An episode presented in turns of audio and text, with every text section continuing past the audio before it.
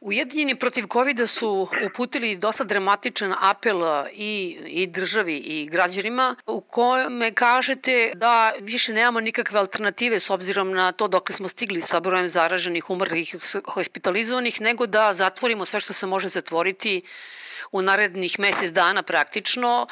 Na čemu bazirate tako na prvi pogled radikalno rešenje? Ja prvo moram da kažem da je jako teško uopšte u ovom našem društvu bilo šta raditi. Imam neki utisak e, da živimo u jednom kompletnom ludilu, gde i mi kao strukovno udruženje sve vreme pokušavamo nešto. U stvari mi smo i krenuli tu priču kada smo videli da se dešavaju stvari koje su nedopustive, a to je jedan onako žestok, onako populizam na terenu medicine, odnosno jedne pošasti koja je zahvatila ceo svet. Čim su oni povukli te ljude iz tih političkih šešira i napravili taj klini štab i krenuli tamo s onim igrokazima koje smo sve gledali sa Nestorovićem i tako dalje, bilo je jasno na šta ovo može da najđe. Međutim, ni u najluđim snovima nismo očekivali da je moguće jedno, jedno ovako haotično delovanje. Mi smo prošle godine, svaki naš izlaz je u javnosti je bio vezan za neke teme koje mi predlažemo.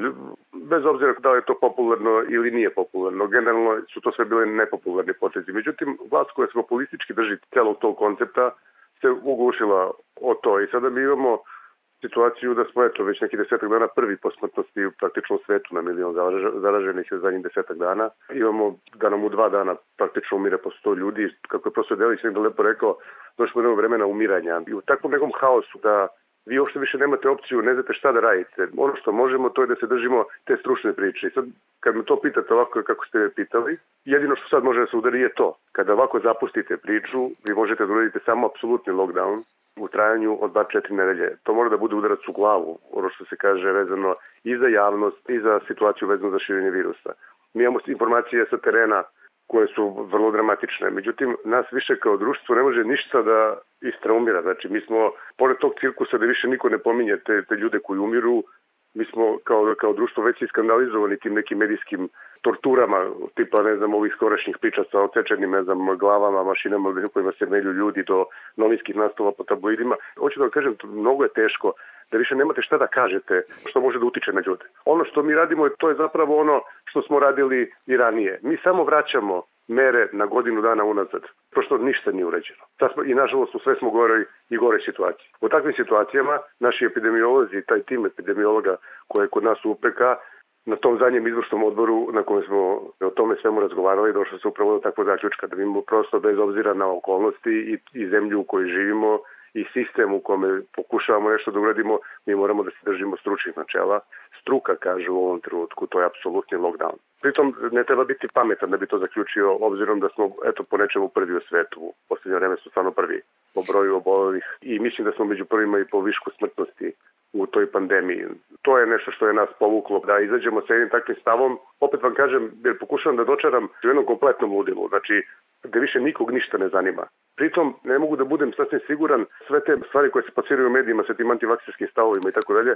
Ja, ja ne znam da je to smišljeno ili nije, ali je onako prilično monstruozno. I meni čak deluje taj antivakserski pokret koji postoji izuzetno jak i onako agresivan. Meni to deluje kao neki luft kod tih ljudi, kao da je to neka dekompresija koju oni prave boreći se tako sa nečim velikim što su umislili nekim svetskim zaverama i spašavajući svet, kao da je to jedna masa ljudi koje ne smije da kažu u svoju kući, u svoju ulici, u svom gradu, a kamoli u zemlji. I da je to jedna nakupljena frustracija. Onda su našli temu da se to bore protiv, ne znam, novog svetskog poredka ili nekih teorija zavere i su, su sad vrlo hrabri i glasni jer to neko što ništa, kao da se forsira taj neki orkestrirani nastup tih pod navodicima anti antivaksera. Mislim, ovo opet kaže, ne može sve da se generalizuje, možda ima i ljudi koji zaista veruju tako nešto, ali meni to deluje baš tako da smo kao društvo na tom nekom nivou, da smo toliko sluđeni i razluđeni da je to praktično ventil tim ljudima. Da, to što ste rekli, to je zapanjujuće zapravo da pored tolikog broja ljudi koji dnevno umiru ili ho, koji su hospitalizovani, da to nije tema. Vi ste recimo, pogledala sam u avgustu mesecu još kada je bilo negde oko hiljadu pozitivnih i hospitalizovanih manje od hiljadu, vi ste već tada apelovali i na obaveznu vakcinaciju određene grupacije stanovništva i da upozoravali da ovo može da se desi. Mi smo 10. januara tražili obaveznu vakcinaciju. Prvo ljudi u državnoj službi, nakon toga ljudi koji su u kontaktu sa drugim ljudima i tako dalje. Znači, to je, to je, to je traženo praktično 10. januara ove godine.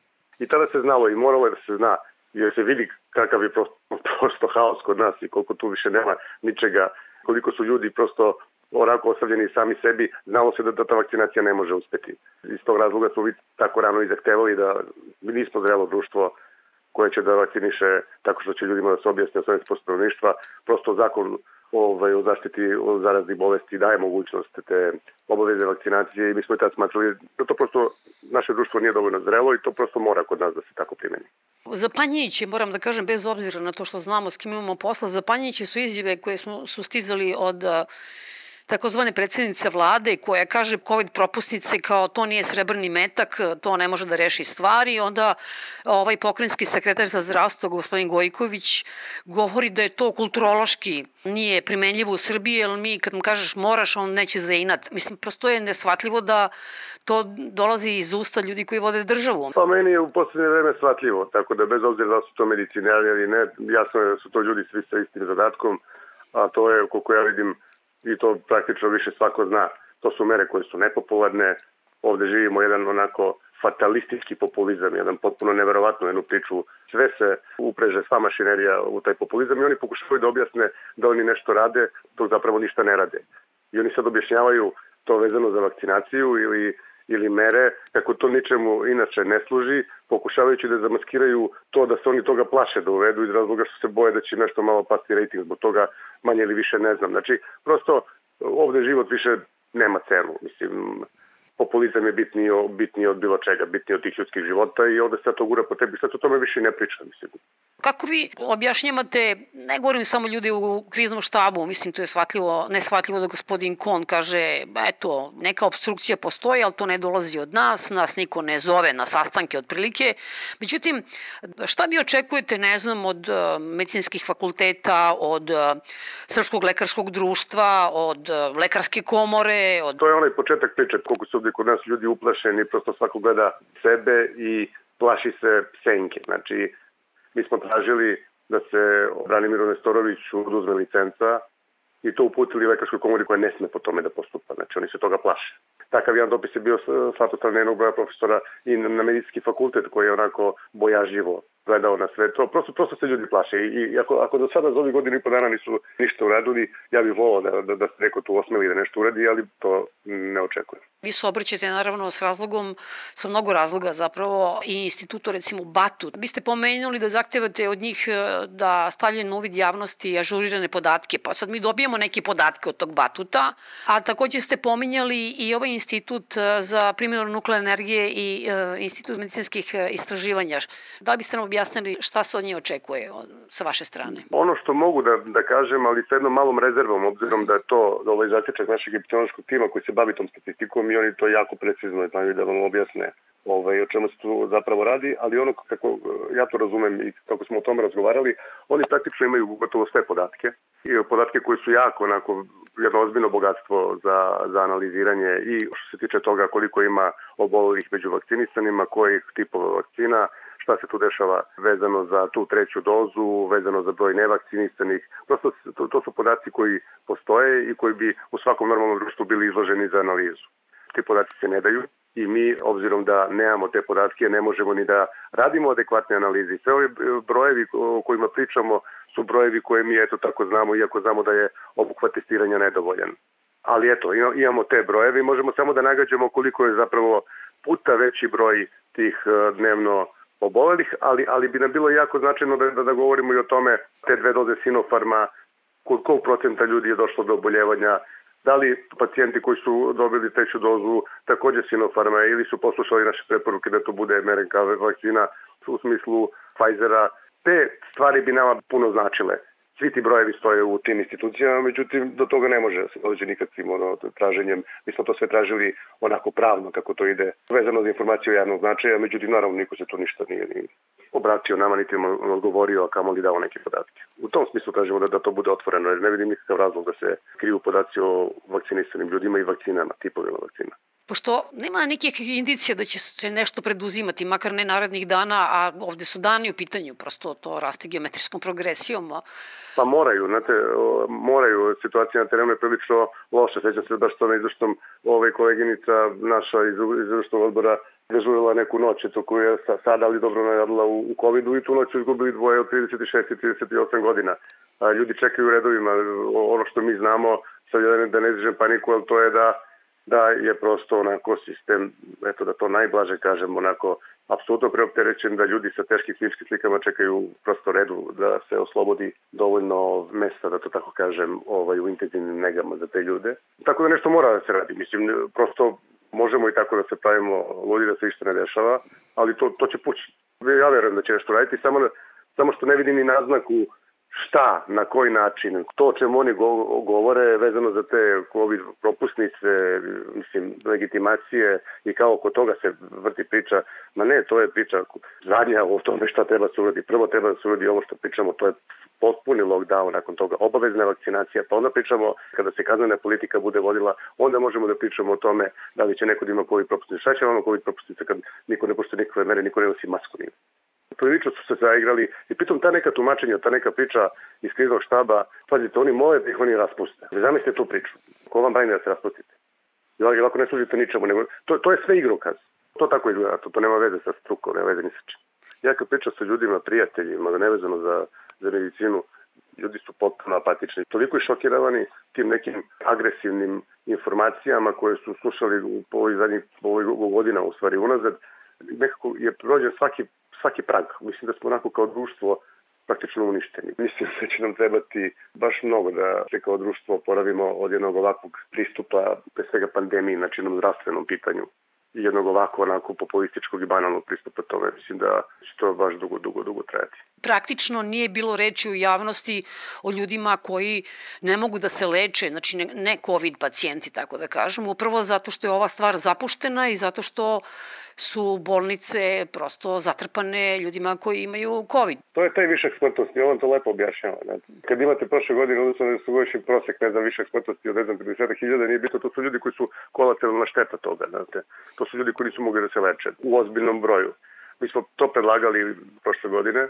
Naš zakon prepoznaje opciju da Mi smo tražili od Ministarstva zdravlja i šifrira akutne i hitne stanja kao što su akutni infarkt akutni abdomen i tako dalje, nebitno je koja su životno ugrožavajuće po pacijente i da da neke fondovske cene i dogovori to sa privatnom praksom koja bi te ljude preuzela obzirom da je državni aparat zatrpan COVID-om i da ne funkcioniše.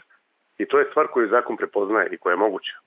Međutim, da bi se na takav način radilo, i uopšte formiranje tog trijažnog centra. Da bi se to radilo ozbiljno, onda mora da bude i ozbiljna ekipa koja to radi. Zato su vi sve vreme tražili prvo da ako već, ako već ne znamo ni šta ćemo drugo, ajmo da se držimo zakona i te Republičke komisije za zaštitu od zaraznih bolesti, zato što su tu ljudi koji su poslati iz nekih institucija, ma kakve one bile i ma kako one bile kontrolisane, to su ipak nekakvi ljudi iz struke. I tu je ministar taj koji to treba da odobrava. A ovaj cirkus koji smo napravili s tim krizom štabom je, je napravljen upravo radi to nekog igrokaza o kome pričamo sve, sve vreme. Ali ono što bi, bi, u tom trenutku bilo moguće, postoji mnogo mera koje su mogle da se urede, međutim sve je rađeno traljavo i onako sve je onako krajnje banalizovano, tako da smo do, do toga i došli da ljudi praktično nemaju ovaj gde da se leče. Znači, ovakvom haosu, moje mišljenje da je jedina opcija to otvaranje privatnog sektora i fond koji to plaća jedan broj vaših kolega koji su u organizaciji, odnosno udruženju udruženi protiv covid da su snosili posledice, da se vrši pritisak na ljude, vi imate i nekakav pravni tim koji se bavi njihovom zaštitom, koliko je to moguće, koliko je to masovno? Pa pa što da kažem, u poslednje vreme toga sve manje. Ja, ja, ja mislim da u tom trenutku kad smo mi krenuli u celu ovu priču, mi smo bukvalno gledali da onako sačuvamo pojedinačno svako svoj nekako obraz, ma kako to patetično sad možda zvučalo, a, a nakon toga i da sačuvamo ako možemo i obraz te naše struke. I to se krenulo onako vrlo agresivno, međutim ima tu dosta ljudi, tako smo došli do, do, u tri dana do 3000 potpisnika. I kada su oni krenuli sa tom agresivnom osvetničkom pričom, mi smo shvatili da moramo da registrujemo udruženje, mi smo ga registrovali da bi se branili institucionalno koliko možemo.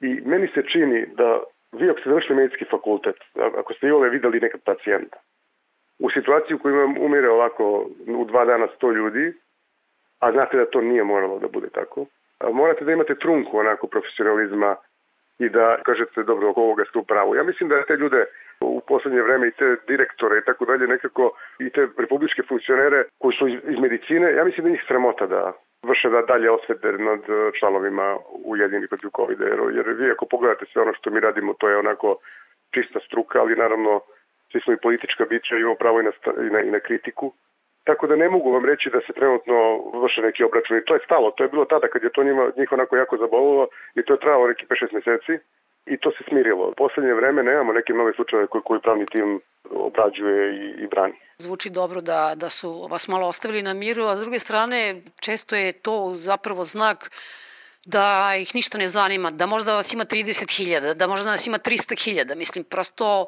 imaju svoje institucije u svojim rukama, imaju i noži pogaču, kako vola da govore Jeste, slavski samo, Srbi, jeli, i da samo, onda ih da. ne zanima to mnogo. Jeste, ali nemaju lekare, to, to je mali problem. Znate, vidite kakav problem sve ustanovi imaju, pogotovo recimo sa anestezijolozima. Imate situaciju u kojoj, ne znam, kad bi se povukao, ne znam, 30 anestezijologa, neke stvari u državi ne funkcionisale. Hoću da vam kažem da lekara nema mnogo, Drugo, oni su videli da je taj broj ljudi koji je tu stao onako potpuno jasno spreman na svaku cenu. Priča oko to, te panike i straha vezano među nama je trajala u tih prvih par meseci dok se ta ekipa potpuno nije onako izbistrila i ta voda i sve to očistilo se sa potpuno onako jasnim, čvrstim ljudima u smislu da ja ne vidim šta oni mogu da dobiju ličnim osvetama. Mislim, njihova stvar, nek rade šta hoće, potpuno je svejedno između osnovnog posla ima za lekare. Ti kad uđeš ovakve stvari moraš da znaš da će da te napadnu, mislim, što si onda ulazi ovako, ovaj, ti mislio da će to biti sve mirno, naravno neće biti mirno. Nas pojedinačno kad gledamo, kao da nam država poručuje spašavaj se kako znaš i umeš. Popuno je suludo to što mi čekamo, kao da se svi nadaju da će to samo, samo stati. Znači, da. To je to, da, da je to strategija. Onako, ajmo da pobegnemo to, da staće to samo, ajmo da ne pominjemo tu priču. Takvi smo, takav nam je zdravstveni sistem i to je to. Hvala vam, bit ćemo u kontaktu. Pazi, prijetno.